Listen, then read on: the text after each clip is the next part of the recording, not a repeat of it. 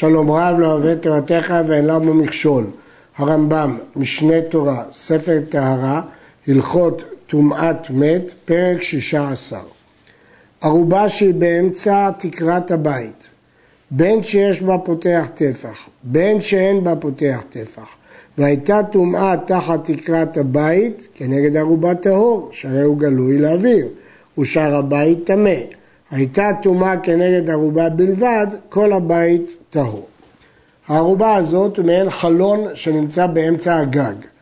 בין אם יש בו טפח, בין אם אין בו טפח, אם הטומאה היא תחת הבית, כנגד הערובה טהור, כי הוא גלוי לאוויר, ולא אומרים פה לבוד לחומרה.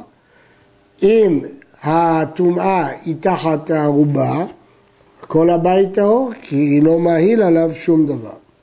הייתה מקצת הטומאה תחת התקרה ומקצתה תחת הערובה. אם היה בערובה פותח טפח, הבית כולו טמא, וכנגד כל הערובה טמא.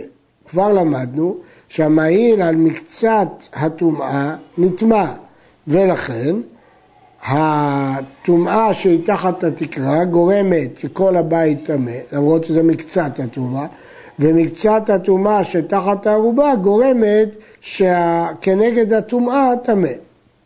מה שכתוב פה כנגד כל הערובה, הכוונה כנגד הטומאה. אין בה פותח טפח, אם יש בה טומאה כדי שתתחלק ויימצא כשיעור תחת התקרה ושיעור, וכשיעור תחת הערובה, הכל טמא. ואם לאו, הבית טמא וכנגד הערובה טהור. אם אין בערובה פותח טפח, נחשב הכל כאוהל אחד, אלא שיש בו מקום פתוח. ועל כן הטומאה הולכת אחר הבית. אלא אם כן הטומאה גדולה במידה כזו שיש שיעור טומאה תחת הערובה ותחת הבית, אז אני רואה את זה אפשרות להפריד. לעומת זאת, אם יש בערובה פותח טפח, נחשבת הערובה כחלק נפרד מהבית ולא כאוהל אחד, ועל כן אין אומרים שהטומאה הולכת אחר הבית, אלא מעיל על כל חלק של הטומאה טמא.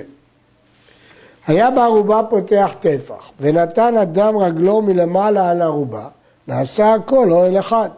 ובין שהייתה הטומאה תחת התקרה בלבד, או תחת הערובה בלבד, הכל טמא.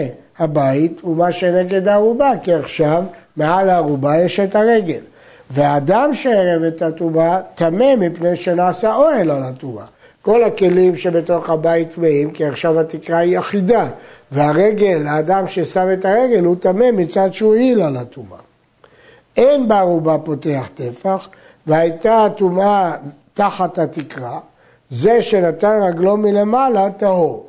שאין טומאה יוצאת לו בפחות מטפח, ולכן, למרות שהטומאה נמצאת בבית, אין לה אפשרות לצאת דרך הפתח הזה שהוא פחות מטפח. הייתה הטומאה תחת הערובה.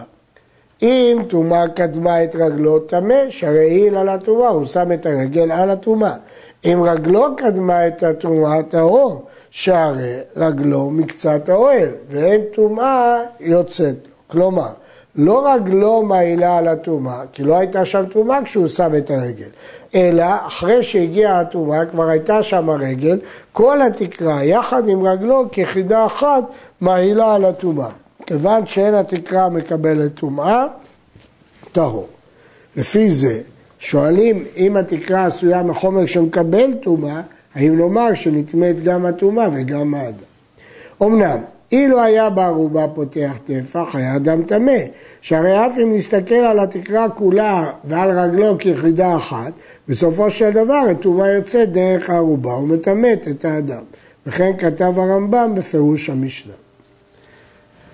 הלכה ב' היה כזית מן המת בפי העורב והעיל על גבי ערובה עד שנמצא כזית באוויר ערובה אף על פי שאין בה פותח טפח הבית טמא העורב דומה לאדם שהניח רגלו על גבי הערובה, שלמדנו שהוא ערב את הטומאה. ואומנם, אמרנו לעיל שהעוף הפורח אינו מביא את הטומאה, צריך לדובר, לומר שמדובר פה בעוף ששכן, או אפילו שקשור לפי דעות מסוימות. בית וערובה באמצע תקרת הבית, ועלייה על גביו. וערובה אחרת יש באמצע תקרת העלייה, והערובות מכוונות זו למעלה מזו. בין שיש בערובות פותח טפח, בין שאין בהם פותח טפח, וטומאה בבית כנגד הערובות טהור, והשאר טמא. מדוע? כי כל הערובות מכוונות זו כנגד זו, ולכן כל השטח שכנגד הערובות טהור, והבית טמא. הייתה טומאה כנגד הערובות, הרי הבית טהור כפי שלמדנו בערובה אחת. היו בערובות פותח טפח, והטומאה בין תחת תקרת הבית, בין כנגד הערובות, ונתן דבר שהוא מקבל טומאה בין למעלה מערובת הבית, בין למעלה מערובת העלייה, הכל טמא, שאין דבר טמא חוצץ. כיוון שהוא שם, שם למעלה דבר שהוא מקבל טומאה, הוא לא מצליח לחצות, והטומאה נמצאת תחת תקרת הבית וגם כנגד הערובות, הדבר הוא לא חוצץ. הרמב"ם בפירוש המשנה מבאר שלא זו בלבד שאם נתן את הכלי על ערובת העלייה, נטמא את הבית ונטמא את העלייה, אלא אף אם נתן את הכלי על ערובת הבית, נטמא את הבית ונטמאת גם העלייה. שרואים את הכלי כאילו עולה, הוא מונח על ערובת העלייה. אבל הרש לא קיבל את הפירוש הזה. נתן דבר שאינו מקבל טומאה על ערובת הבית, הבית טמא והעלייה טהורה. נתנו על ערובת העלייה, הבית והעלייה טמאים, וכנגדו מלמעלה ולשמיים טהור. מה שהבית טמא, מפני שרואים את תקרת הבית ואת הכלי שמונח על הרבת העלייה כאוהל אחד, למרות שיש הפרש גובה ביניהם, רואים אותם כאילו הגג הזה והגג העליון מתחברים לאוהל אחד, כמו שנלמד לקמן בהרחבה. אין בערובות פותח טפח, והטומאה תחת תקרת הבית, ונתן דבר, בין, ונתן בין דבר המקבל טומאה, בין דבר שאינו מקבל טומאה, בין על ערובת הבית, בין על ערובת העלייה, אין טמא אלא הבית, שאין טומאה יוצאת לעלייה בפחות מטפח. כבר למדנו שהטומאה לא יכולה לצאת בפחות מטפח, וכיוון שבערובות האלה אין פותח טפח, והטומאה נמצאת תחת תקרת הבית, לא משנה מה שהוא ישים על ערובת הבית וערובת העלייה, הטומאה לא יכולה לצאת לעלייה. הייתה הטומאה כנגד ערובות, ונתן דבר שהוא מקבל טומאה בין למעלן בין למתן, הבית ועלייה טמאים שהרי ערב את הטומאה. כאשר הטומאה היא כנגד הערובות, היא כן יוצאת אף בפחות מטפח. כשהייתה תחת הבית, היא לא יכולה לצאת בפחות מטפח. אבל כשהיא נמצאת תחת הערובה, אפילו שזה פחות מטפח, היא יוצאת, ולכן אם הוא ערב את הטומאה, הכל טמא. הראש מאיר שהדין הזה הוא דווקא במקרה שקדמה הטומאה את הכלי. אבל אם קדם הכלי את הטומאה, אין טמא אלא הבית, כמו שאמרנו לגבי רגל. נתן דבר שאינו מקבל טומאה, בין למעלן, בין למתן, אינו טמא אלא הבית, וכן מה שכנגד הערובה. וכל אלו הדינים בעושה ערובה, אבל תקרא שנפחתה מאליה שיעורה מלא אגרוף כמו שבאנו. כבר באנו שיש הבדל בין אם אדם עושה פתח לבין אם זה נפחת מאליו. כשהוא עושה פתח זה שיעורו בפותח טפח, כשנפחת מאליו שיעורו מלוא אגרוף. הפוחת את המעזיבה עד שעשה ערובה בתוך תקרת הבית, הוא חקק את תקרת הבית כדי שתיכנס בה רגל ההרס, רגל המיטה. והייתה רגל ההרס סותמת את הערובה. הוא גרם שתעשה ערובה והכניס שם את רגל המיטה, אבל רגל המיטה סותמת את הפתח שהוא יצא. אם יש בה פותח טפח וטומאה בבית, אף עלייה טמאה. למה? הרי הרגל של המיטה נמצאת בתוך הפתח, שאין כלי המקבל טומאה חוצץ. דהיינו, כיוון שהכלים לא חוצצים, אז פשיטא, אם זה לא מקבל טומאה, ודאי שהוא לא חוצץ. אפילו שהוא מקבל טומאה, כלי לא יכול לחצוץ. ואם אין בה פותח טפח, העלייה טהורה, והרגל שלמטה טמאה ככלים המאהילים. אם אין בה פותח טפח, אמרנו שהטומאה לא עולה בפחות מטפח, ולכן העלייה טהורה. והרגל של המיטה, הרגל שאמרנו שהיא למטה, הרגל של המיטה נתונה למטה, טמאה ככלים המעילים. כלים המעילים נעשים אבי אבות הטומאה. הכסף מישהו מפרש שהטומאה קדמה את רגל המיטה והטומאה נמצאת תחת הרגל והקן טמאה הרגל. אה, אבל אם כך קשה, מדוע אם אין בערובה פותח טפח והטומאה נמצאת תחת הרגל, העלייה טהורה, הרי אם זה תחת הרגל, הטומאה כן צריכה לעלות. והוא טוען שמדובר כאן שהרגל סותמת את התקרה ולכן הטומאה לא עולה.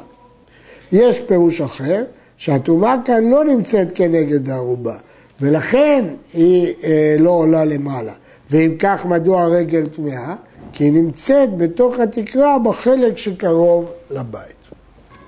נפחתה מעזיבה מאליה, שיעורה מלוא אגרוב, כמו שביארנו, שיש הבדל אם האסלאם עושה פתח מעצמו ששיעורו בפותח טפח, לבין אם נפחתה מאליה ששיעורו כמלוא אגרוב. הלכה ה' נקדים בהלכה הזאת את ביאור טומאה רצוצה. כל טומאה שאין לה חלל טפח פנוי נקראת טומאה רצוצה, והיא בוקעת ועולה, בוקעת ויורדת ומטמאת כל מה שבדרכה עד שתגיע לאוהל. ערובה שבתוך תקרת הבית וקדרה מונחת על הארץ ומכוונת כנגד ערובה, שאם תעלה תצא בצמצום מן הערובה. כלומר, השטח של הגדרה שלמטה מכוון כנגד הפתח של החלון, הערובה הזאת שבתקרה. והייתה טומאה תחת הגדרה, רצוצה בינה לבין הארץ. דהיינו, הטומאה היא בין הארץ לבין הגדרה ואין שם טפח, זה נקרא טומאה רצוצה. או שהייתה טומאה בתוך הגדרה, או על גבה, גם היא לפי הרמב"ם טומאה רצוצה, כי אין שם שום אוהל. טומאה בוקעת ועולה, בוקעת ויורדת, כמו בכל טומאה רצוצה, דהיינו שאין אוהל טפח, היא עולה ישר למעלה ויורדת ישר למטה. ואין טמא אלא כנגדה, והבית כולו טהור. כיוון ששום דבר לא מעיל עליה, היא בוקעת, אין טפח שמעיל עליה, היא בוקעת ועולה ישר למעלה וישר למטה עד התהום. יש להדגיש שהרייבד חולק וסובר שכשהטומאה תחת גדרה, צודק הרמב"ם שזו טומאה רצוצה, אבל כשהטומאה בתוך הגדרה או על גבה זה טומאה באוויר, הוא לא קורא לה טומאה רצוצה, אז הוא אומר שהיא מטמאת רק עד הארץ ולא עד התהום. הייתה הגדרה גבוהה מן הארץ טפח וטומאה תחתיה, אז עכשיו יש אוהל טפח מעל הטומאה אז אי אפשר לקרוא לזה טומאה רצוצה. או תחת תקרת הבית, הבית כולו טמא, ותחת הגדרה טמא שרי אוהל. אנחנו מצרפים את האוהל שברום טפח שתחת הגדרה ואת אוהל הבית, למרות שיש הפרשי גבהים ביניהם, זה לא משנה, שתי התקרות האלה מצטרפות, כבר אמרנו את זה, והכל נחשב לאוהל אחד. אבל תוך הגדרה וגבה טהור, שאין כלי חרס מטמא מגבו, אלא מאוויר, והרי אוויר הגדרה גלוי לאוויר, שום דבר לא מעיל על אוויר הגדרה, כיוון שהטומאה נמצאת תחת הגדרה, או גם כשהיא נמצאת בתוך הגדרה וגם בגבה, שום דבר לא מעיל עליה, היא כנגד הערובה. ואם היה כלי בתוכה או למעלה על גבה, טהור. ואף על פי שלמדנו שכלים לא חוצצים בפני הטומאה אפילו שהם מקבלים טומאה, כאן הדבר שונה, כי הכלי הצטרף לאוהל, ולכן הוא חוצץ ומציל על מה שבעליו. הייתה טומאה בתוכה או על גבה, לא מתחתיה, אלא בתוכה או על גבה, הבית כולו טהור, שהרי הטומאה כנגד הערובה בלבד. הרייבן משיג ואומר שכל הבית טמא. למה? לדעתו הטומאה בוקעת את הקדרה ויורדת, אחרי שהיא יורדת אז הקדרה היא מעליה, אז אם הקדרה מעליה אז היא מצטרפת לאוהל העליון. ודאי שהרמב"ם לא הבין כך, הוא הבין שכיוון שיש אוהל טפח, הטומאה לא יכולה לבקוע אל מתחת הקדרה, כי יש שם הקדרה גבוהת טפח ויש אוהל. למרות שהכלים לא חוצצים, כי אמרנו שהאוהל הזה מצטרף לאוהל, לתקרת הבית, ואז הוא חוצץ, כי הוא הופך להיות תקרה. אמנם, לכאורה זה דווקא כשהכלי טהור. ומדוע אם הטומאה בתוך הכלי שטימאה אותו והכלי הוא כבר טמא, מדוע מה שתחתיו טהור? הרי כלי טמא לא חוצץ ותרץ. הרי כל מה שאמרנו שהטומאה בוקעת אל מתחת הכלי, כיוון שהכלי טמא וכלי טמא נחשב כמי שאינו. אם הוא כמי שאינו, אי אפשר להחשיב אותו כמעיל על הטומאה. הייתה הגדרה תחת הערובה, והערובה גדולה מן הגדרה. שאם תעלה הקדרה ותצא מן הערובה, נמצא בינה ובין שפתי הערובה פותח טפח. כלומר, החלון שבתקרה, הערובה, הוא גדול מהקדרה בטפח. אף על פי שהקדרה גבוהה מן הארץ טפח, וטומאה בתוכה או על גבה או תחתיה, הבית טהור. מדוע? כיוון שגם אם נחשיב את זה עם אוהל, האוהל הזה לא מצטרף לתקרת הבית. כי אם הוא יעלה למעלה, יהיה הבדל של טפח באוויר בינו לבין תקרת הבית. ממילא זה שני אוהלים שונים שיש ביניהם טפח, בוודאי שהם לא מצטרפים. הייתה הגדרה מונחת בצד אסקופת הבית, שאם תעלה, נמצא ממנה פותח טפח לפנים מן המשקוף. והייתה טומאה רצוצה תחתיה או בתוכה על גבה, טומאה בוקעת ועולה, בוקעת ויורדת. אבל היא לא מתפשטת לצדדים והבית טהור. כמובן שמדובר פה שהטומאה מחוץ למשקוף. הקדרה חלקה בתוך המשקוף, אבל הטומאה מחוץ למשקוף. הייתה גבוהה מן הארץ טפח, וטומאה תחתיה או בבית, תחתיה והבית טמא, שהכל אוהל אחד. מדוע? מכיוון שהיא גבוהה מן הארץ טפח, אז הקדרה מהווה אוהל, ואם היא תעלה למעלה, אז גם המשקוף יצטרף, ואז יהיה לנו אוהל גדול. לכן כל מה שבבית טמא, בדיוק כמו שלמדנו לגבי ערובה. ותוכה וגבה טהור. מדוע? כי הכלי בצירוף הבית מציל מה שעליו, למרות שבדרך כלל כלי לא חוצץ, כאן הוא חלק מדופנות האוהל, כיוון שהוא חלק מדפני האוהל, היא חוצצת. הייתה הטומאה בתוכה או על גבה, הבית טמא, מפני שהיא נוגעת במשקוף טפח. וכן תחתיה טמא, מפני שהטומאה יוצאת לתחתיה מן הבית שהכל אוהל אחד. דברי הרמב"ם קשים. הרי אם הטומאה נמצאת על גבי הגדרה, מדוע נמצא הבית? הרי אמרנו שהטומאה נמצאת בחלק החיצוני, ואם כן, איך היא נכנסת לתוך הבית? אפשר היה לומר שהיא בוקעת אל תחת הגדרה, ומשם מתפשטת לבית. אבל הרמב"ם מפאר הפוך, שהטומאה נכנסת לבית, משם מגיעה אל תחת הגדרה. לגבי ערובה אמרנו שלא אומרים לפי הרמב"ם שהטומאה בוקחת מתחת הגדרה ומשם מתפשטת. על כן צריך להבין מדוע הבית יהיה טמא. נסתכל בהמשך. לפיכך, אם לא הייתה נוגעת במשקוף בפותח טפח, או שהייתה בצד המשקוף וטומאה תחתיה, אין טמא אלא תחתיה, אבל הבית טהור, כי אם אין הגדרה נמצאת טפח בתוך הבית, היא לא מצטרפת לאוהל, כיוון שצידה השני פתוח לאוויר, ובזה היא לא דומה לערובה.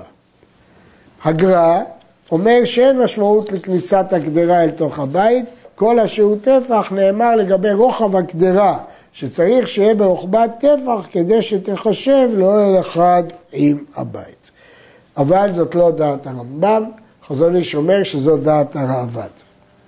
הלכה ו' קורות הבית והעלייה, שאין עליהם מעזיבה, זה קורות עץ שלא מילאו אותם ביתית, והן מכוונות, הקורה של הבית כנגד הקורה של העלייה.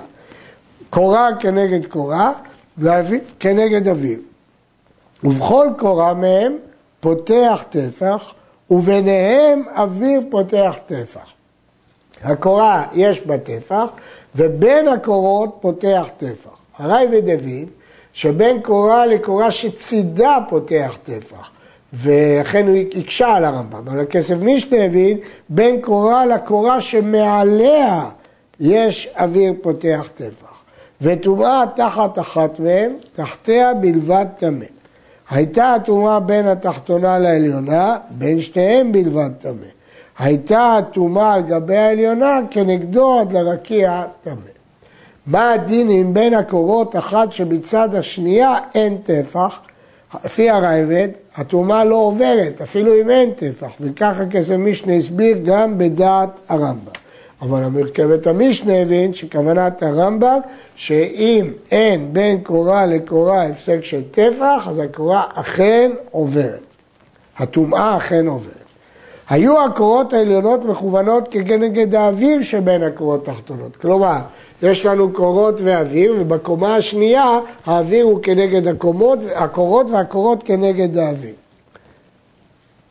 הכל אוהל אחד, כי הפרש הגבהים, או בגלל חבות רמי, או מצטרף. אז יש לנו בעצם תקרה אחת שלמה. הייתה הטומאה על גבי, וטומאה תחת אחת מהן, תחת כולם טומאה, כי בעצם יש לי תקרה אחת שלמה. הייתה הטומאה על גבי קורה עליונה, וכן גם יהיה אותו דין על גבי קורה תחתונה, כנגד הטומאה עד לרקיע טמא. אין בקורות פותח טפח, בין שהיו מכוונות זו על גבי זו, ובין שהעליונות כנגד אוויר התחתונות, והייתה טומאה תחתיהם, או ביניהם, או על גביהם, טומאה בוקעת ועולה, בוקעת ויורדת, ואינה מטמאה אלא כנגדה בלבד, אין פה שום אוהל.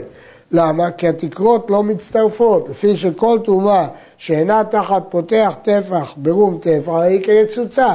כיוון שאין באף קורה טפח, אז אפילו שמכוונות הקורות כנגד האוויר, זה לא משנה, אין בהם טפח, ולא אומרים לבוד להחמיר.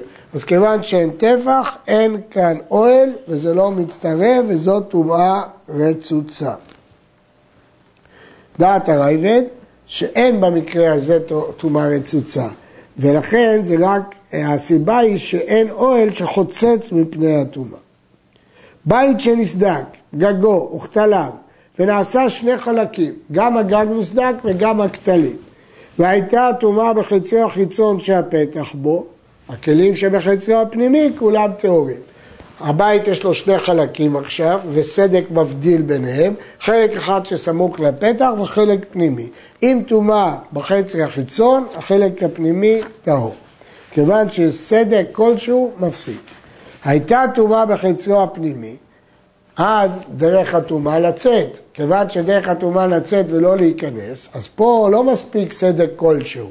אם היה רוחב הסדק כחוט המשקולת זה חוט שבראשו עופרת שהבנאים משתמשים בו לבדוק שהכותל ישר.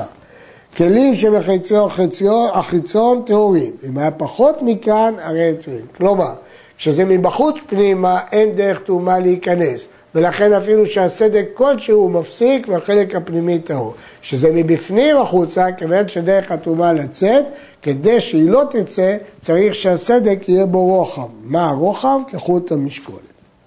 כל זה הוא אם נסדקו גם הכתלים, אבל אם נסדק הגג בלבד, כל עוד אין טפח, הטומאה עוברת מצד לצד.